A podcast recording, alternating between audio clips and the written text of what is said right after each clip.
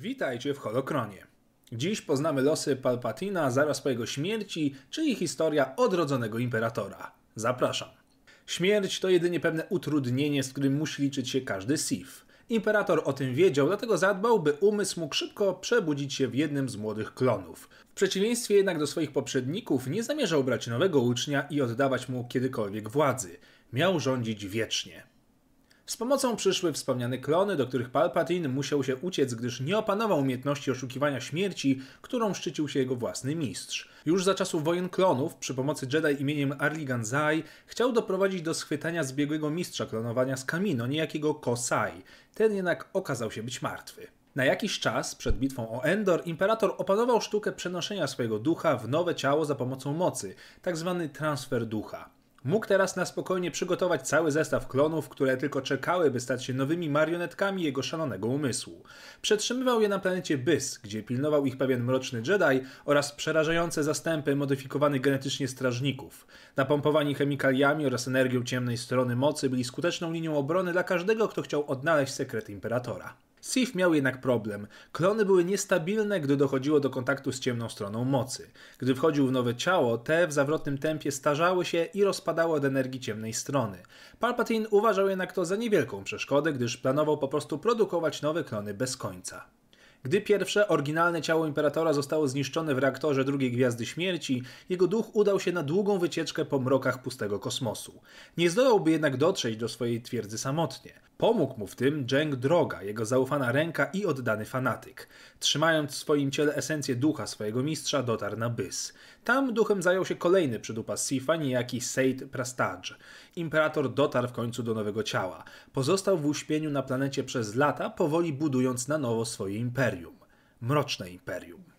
Kolejne lata odrodzony imperator spędził m.in. na próbie odzyskania rękawicy Darth Vadera, która ocalała i która dzięki przepowiedniom fałszywego proroka Kadana stała się symbolem nowej władzy. Do konfliktu zamierzał się również niejaki Trioculus, mutant będący niejako synem imperatora. Jak widzicie, niektóre legendy były mocno odjechane, jeżeli chodzi o pomysły. Imperator przypatrywał się, jak resztki imperium rozrywane są przez ambicje mofów, a potem jednoczone na krótką chwilę pod dowództwem ambitnego Chisa imieniem Fraun. Jego rządy także musiały się jednak skończyć. Nawet bezdużny Sif był załamany jego śmiercią. W dziesiątym roku po bitwie o Jawin, zaraz po śmierci Frauna, Imperium zadało jeszcze jeden dewastujący cios Republice atak na Corsent. Odrodzony imperator postanowił wejść do gry. Za pomocą energii ciemnej strony mocy stworzył burzę mocy, która ściągnęła na bys naiwnego Skywalkera. Tam imperator ujawnił się po raz pierwszy i pokazał byłemu farmerowi, co znaczy potęga ciemnej strony mocy. Skywalker przyjął przedziwną taktykę. By pokonać nieśmiertelnego wroga i ciemną stronę mocy od środka, klęknął przed swoim nowym mistrzem jako jego uczeń. Skywalker nie był jednak na tyle głupi, by dać się w pełni opętać Sidiousowi. Potajemnie sabotował jego plany, a będąc w randze naczelnego dowódcy miał dostęp do wszelakiej maści tajnych planów. Dzięki jego wysiłkom unieszkodliwiono m.in. dewastatory światów, o których możecie dowiedzieć się z innych odcinków. Ale imperator to w końcu imperator. Doskonale wiedział o sabotażu Skywalkera i pozwalał mu na te i inne ciche akcje. Nie liczył się bowiem przebieg wojny, ale pozyskanie Skywalkera jako potężnego sprzymierzeńca. Na pomoc Luke'owi przybyła oczywiście jego siostra, która szybciutko została pojmana wraz ze swoim mężem. Super pomoc Leia, dzięki. Palpatine tutaj również zaczął swoje kuszenie, chcąc przekabacić córkę Anakina na swoją stronę, pokazując jej m.in. holokron mistrza Jedi imieniem Ashka Boda. Wyjawił także plan, że zamierza przetransportować swojego ducha w jej nienarodzone jeszcze dziecko. Leia uciekła jednak z jego szponów, zabierając ze sobą holokron. Skywalker, mimo pomocy, której udzielił Republice oraz swojej siostrze, był już mocno związany z ciemną stroną.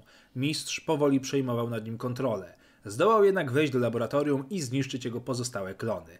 Sif zdołał jeszcze raz przetransportować swojego ducha w ostatniego ocalałego klona. Odbył się wówczas pojedynek na miecze świetlne między dwoma potężnymi przeciwnikami. Imperator jednak triumfował. Dzięki ciemnej stronie mocy wniknął w umysł swojego niepokornego ucznia i ostatecznie złamał jego nędznego ducha rebelii. Leia nie zamierzała jednak odpuścić. Petraktowała z imperatorem teoretyczny sojusz w zamian za zwrócenie holokronu. Gdy przybyła na pokład statku Sidiousa, zaćmienie błagała swojego brata o pomoc.